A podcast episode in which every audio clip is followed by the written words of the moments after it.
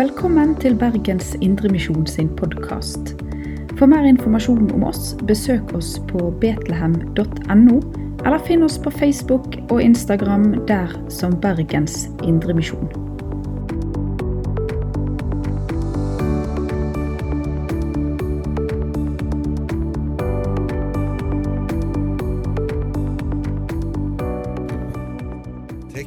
Første søndag i advent den drar oss like inn i påsken.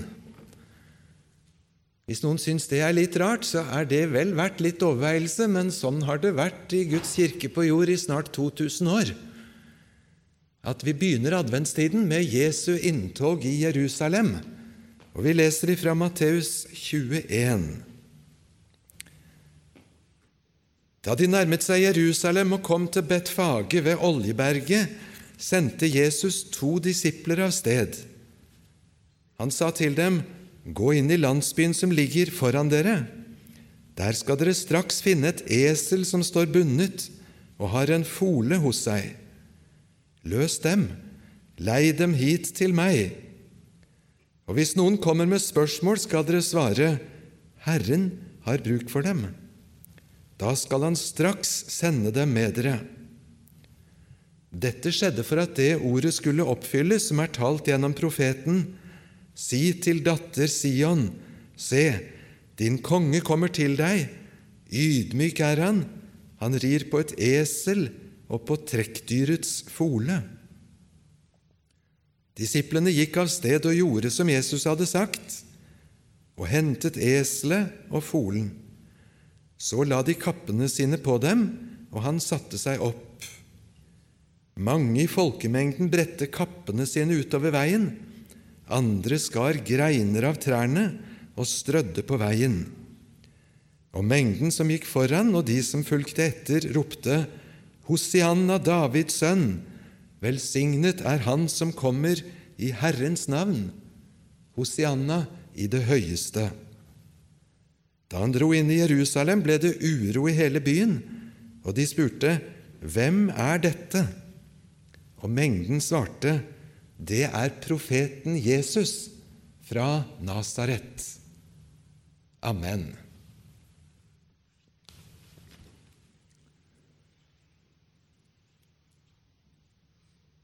Det første vi møter i teksten vår, det er festkomiteen. Det har trengtes noen festkomiteer i Guds folk gjennom alle tider. Matkomité og teknisk arrangør og i vår tid lyd og bilde. Logistikk med fine ord. Det er faktisk mange festkomiteer i Bibelen hvis du har tid til å se etter. For hos Gud skjer ikke ting på slump. Han planlegger, og han legger til rette. Noen festkomiteer jobber i forkant, og andre kommer i etterkant med å reparere f.eks. et tak som ble revet i stykker, for å slippe en trengende ned gjennom taket, rett ned i fanget på Jesus, da trengselen var for stor. Takreparatørkomité. Og Skulle det være noen som lever i den villfarelsen at det å sitte i sånne komiteer det er en litt mindre åndelig oppgave enn å f.eks. føre ordet, så anbefaler jeg å lese apostelgjerningene seks langsomt, de første versene.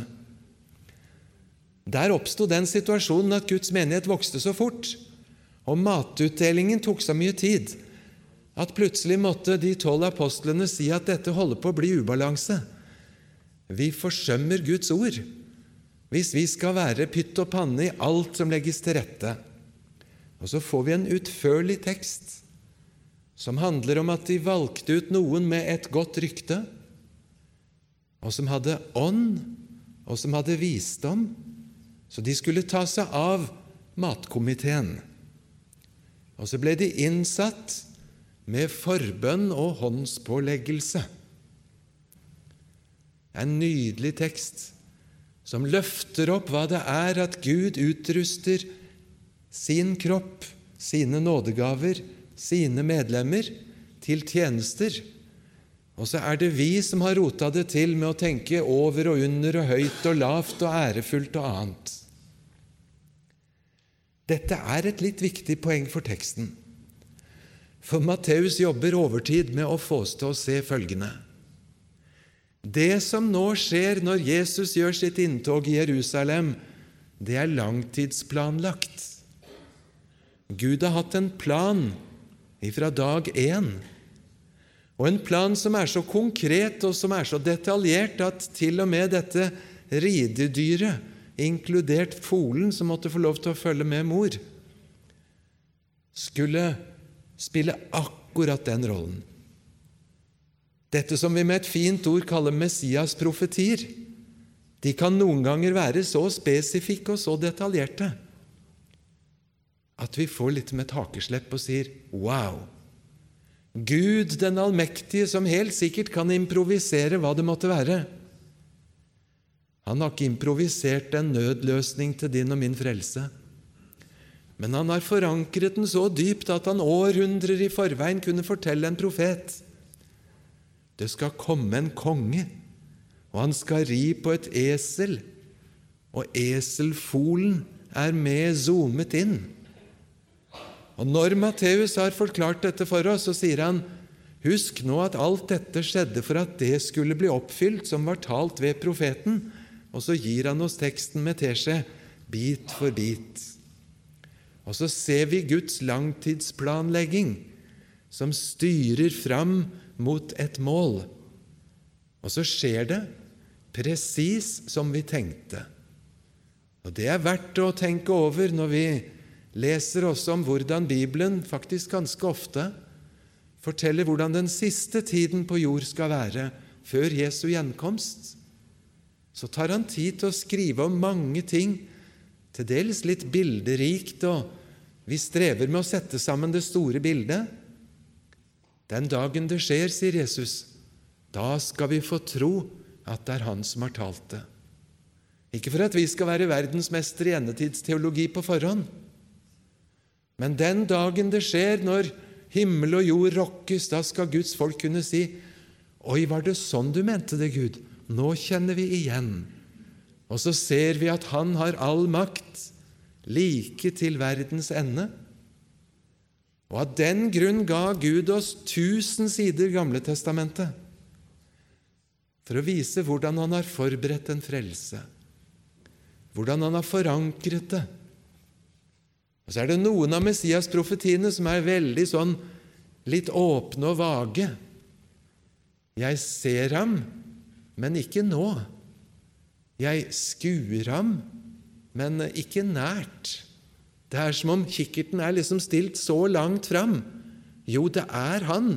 Det er Frelseren Messias. Men jeg ser liksom ikke enkelthetene. Og så kommer enkelthetene nærmere og nærmere. Det skal skje i Betlehem. Et esel. Jeg tørster, gi meg å drikke. Til og med hvem som skal forråde han, omstendighetene rundt det. Til og med ned i pottemakerens åker er skrevet inn profetisk århundrer i forveien, og så blir det som Gud har tenkt det. Og så er det flere sånne tekster inne i vår tekst nå. Ropet med Hosianna, som betyr 'du må frelse, Gud', 'du må berge oss og redde oss', hentet ifra Salme 118.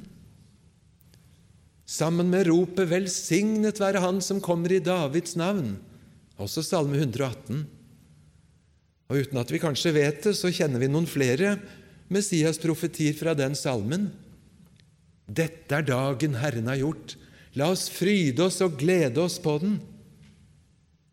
Og den merkelige profetien om en stein, en hovedhjørnestein som bygningsmennene skrotet Kan ikke bygge hus av sånt. Den har Gud plukket fram og gjort til hovedhjørnestein i det byggverket han bygger som skal være sitt folk til alle tider. Og Denne salme 118 var den siste jødene sang idet de innledet påskehøytiden. Dette er dagen. Gud bygger et hus, men han bygger med andre steiner enn de folk er ute etter. Velsignet være Han som kommer i Herrens navn, og Herre frels. Hadde dette vært ikke en kort søndagsgudstjeneste, men en vanlig undervisningsuke på Fjellhaug, så hadde vi hatt tid til å bla fram i første kongebok 1, og se hvordan de hyllet Salomo som konge, på noenlunde samme måten, og hvordan profeten Elisha ifølge andre kongebok 9 var med på å lage en palassrevolusjon der Jehu overtok kongemakten istedenfor den ugudelige kong Akab. Nettopp med at de tok klærne av og la det på bakken, og at de skar greiner av trærne og la det som en rød løper for Jehu, og ropte 'Nå er det Jehu som er konge'. Og så henger Bibelen så spennende sammen med masse små tråder som står i de bitte små referansene nederst på siden i de biblene vi har.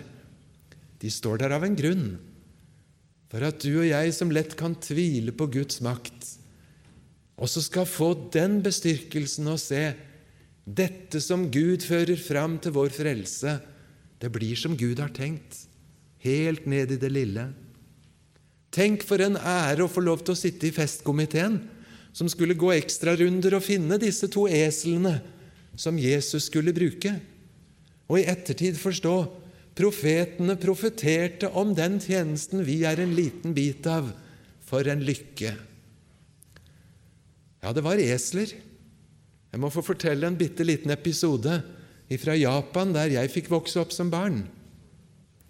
Jeg er ikke noe ordentlig misjonær, men jeg kaller meg misjonoksonær. For i høst har Heidi og jeg også fått være i Japan. Jeg har fått undervise der en tid, på seminaret, samme stedet der min far underviste gjennom 20 lange år for veldig lenge siden. Der får vi nye navn, for japanerne syns ikke det er så greit å uttale disse rare navnene våre. Bø, for eksempel, det vil jo de uttale bå, og det betyr en shinto-prest. Det passa dårlig for en som kom for å forkynne om Jesus.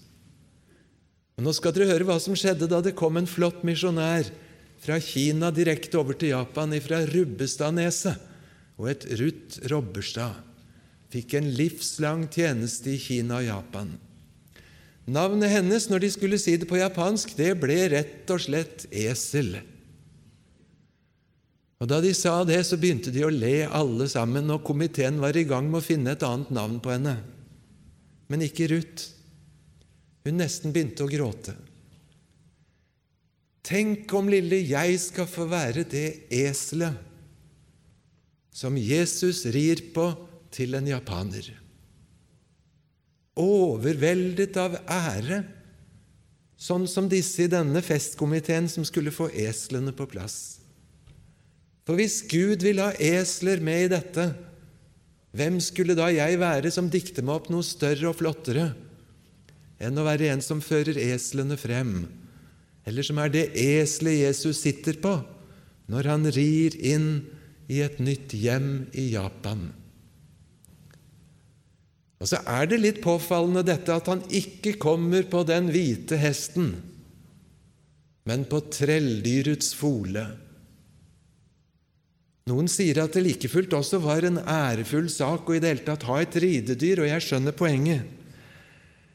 Men som sånn halvveis Oslo-gutt, så ja, Jeg tenker på det hver 17. mai hvis jeg er på Karl Johan og ser liksom titusener festpyntet i bunader og dresser og med flagg. Og kongen vår Tenk om han ikke kom i den blanke, nypolerte, sorte limousin med A1. Men om han ristet oppover Karl Johan på en gammel, utrusta moped fra 60-tallet med 50 kubikk, som hosta seg oppover Kongen? En eselkonge? Hva slags konge er du, Jesus? De ville ha en brødkonge. Johannes evangeliet 6 forteller om da Jesus hadde gjort fem brød og to fisker til mat nok for 5000. Da kom de og ville ta ham med makt for å gjøre ham til konge. Tidenes lanseringsfest. Rød løper. Da gjemte Jesus seg bort. Han var ikke ute etter å være en brødkonge. For så har Gud elsket verden at han sendte en skipslast med mat og medisiner til alle verdens nødlidende. For så har Gud elsket verden at han ga sin sønn, den enbårne, for at hver den som tror på ham, ikke skal gå fortapt, men ha evig liv. Og så er Jesus konge, men annerledes konge, ikke brødkonge. Selv Peter misforsto og dro sverd av slira og begynte å hogge i vei. Jesus måtte undervise ham om et annerledes rike ikke av denne verden. Stikk sverdet i slira, Peter. Og så er han en eselkonge som kommer. Og så er han ydmyk, og så rir han. Nå må jeg få lov til å komme med selve hva jeg opplever som perlen i teksten. Det er det som norsklæreren på skolen kalte eiendomspronomen annen person entall er til og med gjentatt. Det står ikke 'Se, en konge drar forbi', men det står 'Se, din konge kommer til deg'. Din konge, og han kommer til deg. Jeg bor i Ekornveien 18 i ytterste Enebakk, et sted utenfor Oslo. Vi fikk kongebesøk da den nye skolen skulle innvies.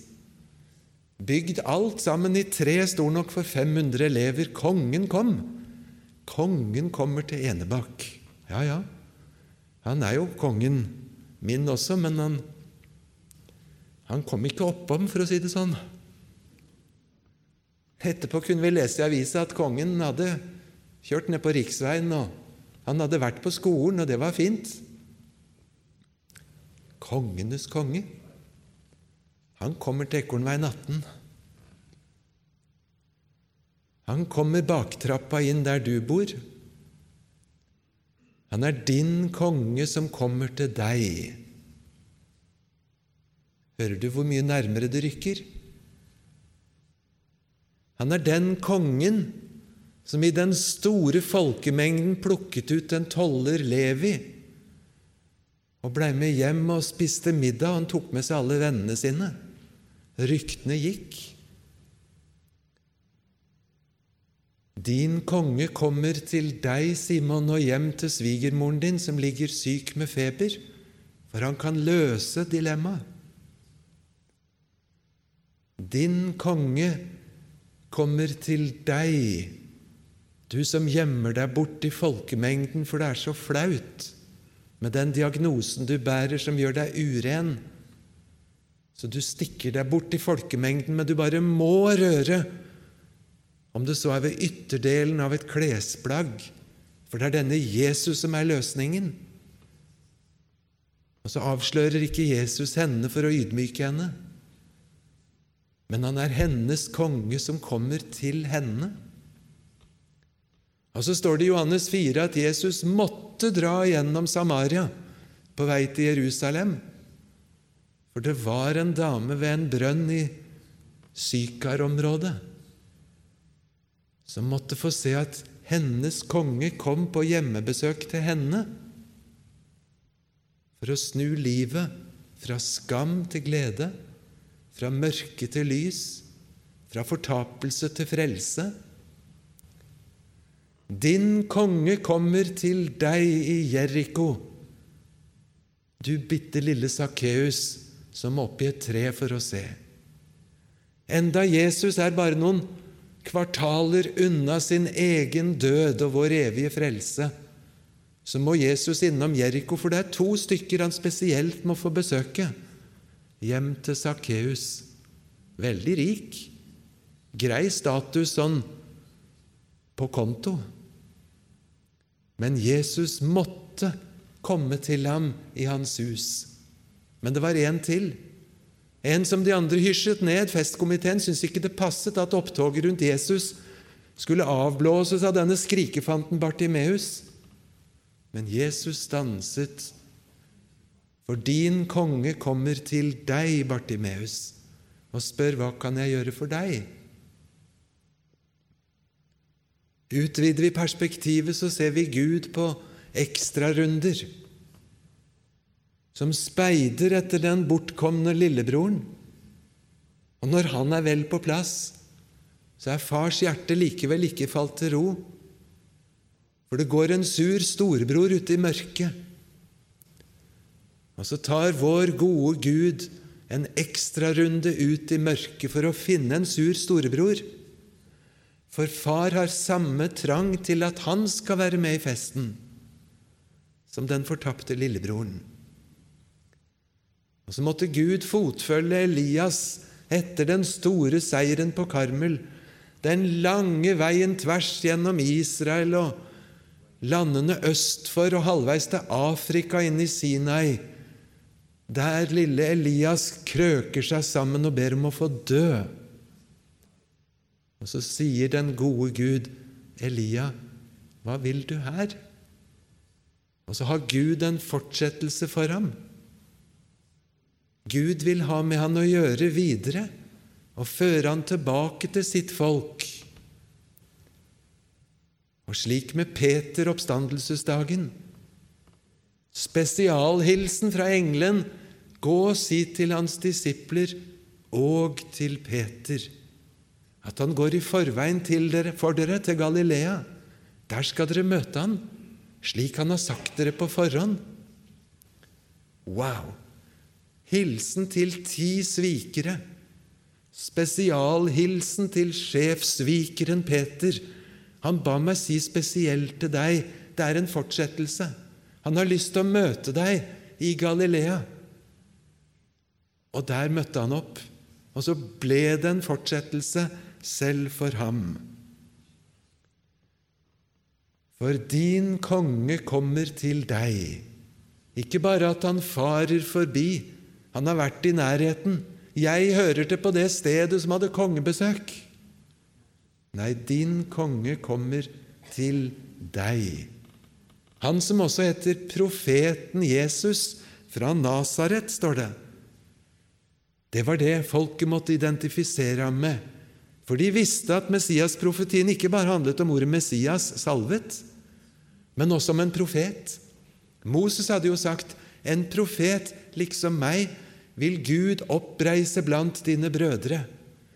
Faktisk var kanskje det den Messias-profetien jødene på Jesu tid var aller mest opptatt av, i hvert fall siteres oftest i de gamle jødiske skriftene. En profet som kan sette oss i direkte forbindelse med Gud, så vi vet hva Han vil, og som kan tale vår sak innenfor Han. Og så stiger det ut av vår tekst om Jesu inntog et tydelig bilde av Guds langtidsplanlegging. Med profetier strødd ut gjennom Gamle testamentet, med nøkkelord om konge, profet og prest, offerlam, soning, tilgivelse, redning og frelse. Og så vokser teksten videre dess lenger tid vi har til å dvele ved hva Gud har forklart oss alle disse trådene som går der på kryss og tvers i Bibelen. Men teksten er ikke helt ferdig i vår sammenheng uten at vi også våger det spørsmålstegnet Er han din konge? Eller er han bare én konge like omkring? Jesus varsler at en dag så skal folk innbille seg at det var nok, at du gikk jo i våre gater, og vi hørte stemmen din. Men jeg skal si til dere, jeg har aldri kjent dere. For greia er at denne kongen er ikke bare en omgangsvenn. Han er ikke bare en familievenn. Han er ikke bare en lokalkjendis. Han må inn under skjorta, inn i hjertet og få lov til å bli min konge. Og denne kongen, han kommer ikke med rambukk, han kommer ikke med brekkjern, med namsmann eller med tåregass for å få tilgang inn i hjertet. Hjertekongen Jesus kommer til deg. Se, jeg står for døra og banker. Hvis noen hører og åpner, så vil jeg komme inn og så vil jeg spise måltid og flytte inn og være fastboende. Din konge kommer helt hjem til deg. Hørte gripende fortellinger om det i Japan nå i høst. Ei som gikk der i klassen som jeg fikk undervise, hun hadde kjempet som alenekristen i familien sin i 23 år. En mann som aktivt motarbeidet og sto hardt imot. Sønner som vokste opp som ikke hun kunne tvinge inn i noe fellesskap mot fars vilje. Daglige nederlag, daglig følelse av å være en skitten som ikke makta å holde lyset. Og så skjer det. Den sterke ble svak. Og så søkte han Gud. Så ble han frelst, men syk og på sykehus. Og sønnene, nå er de døpt. Satt og fortalte til oss med tårer og gråt og sa det er ikke farlig. Jeg er bare så glad, sa hun. Og mannen er på sykehus, men han er frelst. Og Så spurte vi hva var det som holdt tilbake så lang en tid. Stolthet, svarte hun. Mannen min sa alltid at kristendom er for tapere. Eselkonge. Og så må den sterke noen ganger bli svak for å få bruk for synderes venn. Og så kom det en dag da det å få lov til å være en ærlig taper som kommer til Jesus og bytter min stolthet, mine synder, med Jesu rettferdighet, det ble veldig viktig. Og så satt hun og strålte i Nakajimadori og fortalte til Heidi og meg og et par til om Guds vei som hjertekongen inn i hjertet. Vi skal gi siste ord til Jeronimus, den store bibeloversetter, 400 etter Kristus, som oversatte Bibelen til latin, sånn at Europa kunne lese. For å kunne oversette Bibelen til latin så måtte han ha en 10-15-20 års uh, sabbatsår for å lære hebraisk. Det skjønte han. Han forlangte det av paven selv, og mot pavens vilje fikk det. Og i de mange, mange årene som hebraisk elev like sør for Jerusalem, ved Betlehem, der gikk han ut og inn med de som enda bodde der og kunne hebraisk og lærte språket. Og Siden han var munk, så levde han så enkelt som mulig var, faktisk i en jordhytte, slags grotte, det er ikke alltid varmt 800-900 meter over havet, selv om du er på sydligere breddegrader. Der frøys han. Og når han hallusinerte om natta, så var det en natt jeg plutselig, nesten i frost, hallusinerte at Jesus var der. Dette var jo Betlehem, sier Jeronimus. Og det var som om hele stallen der jeg var, eller krybba, den ble som et lyst rom. Og så lå lille Jesusbarnet ved siden av meg. Og Da begynte jeg å snakke med ham, for jeg så jo at stakkars Babyen lå og frøys. Og så lå han bare rett oppå bakken i et tro, i et grisetrau eller et dyretrau. Så jeg sa, Vil du ikke, 'Kan jeg ikke få fikse en bedre seng for deg?' 'Lille Jesusbarn', sa jeg. Forteller Jeronimus. Nei. Ja, men du ligger jo og fryser. Ta pleddet mitt, i hvert fall, sa Jeronimus. Etter en stund så sa Jesusbarnet, hvis du absolutt skal gi meg noe, så gi meg syndene dine. Og gi meg din dårlige samvittighet.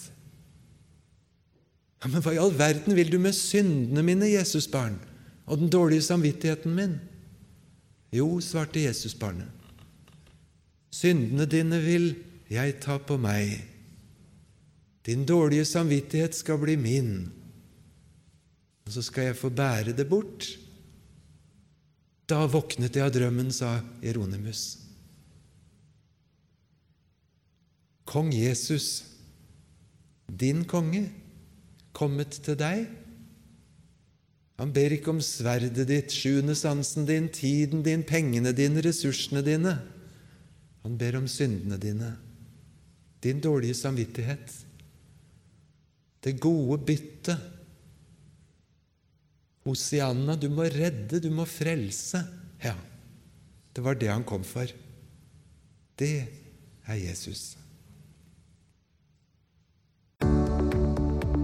Du har lytta til Bergens Indremisjon sin podkast. For mer informasjon om oss, besøk oss på betlehem.no, eller finn oss på Facebook og Instagram der som Bergens Indremisjon.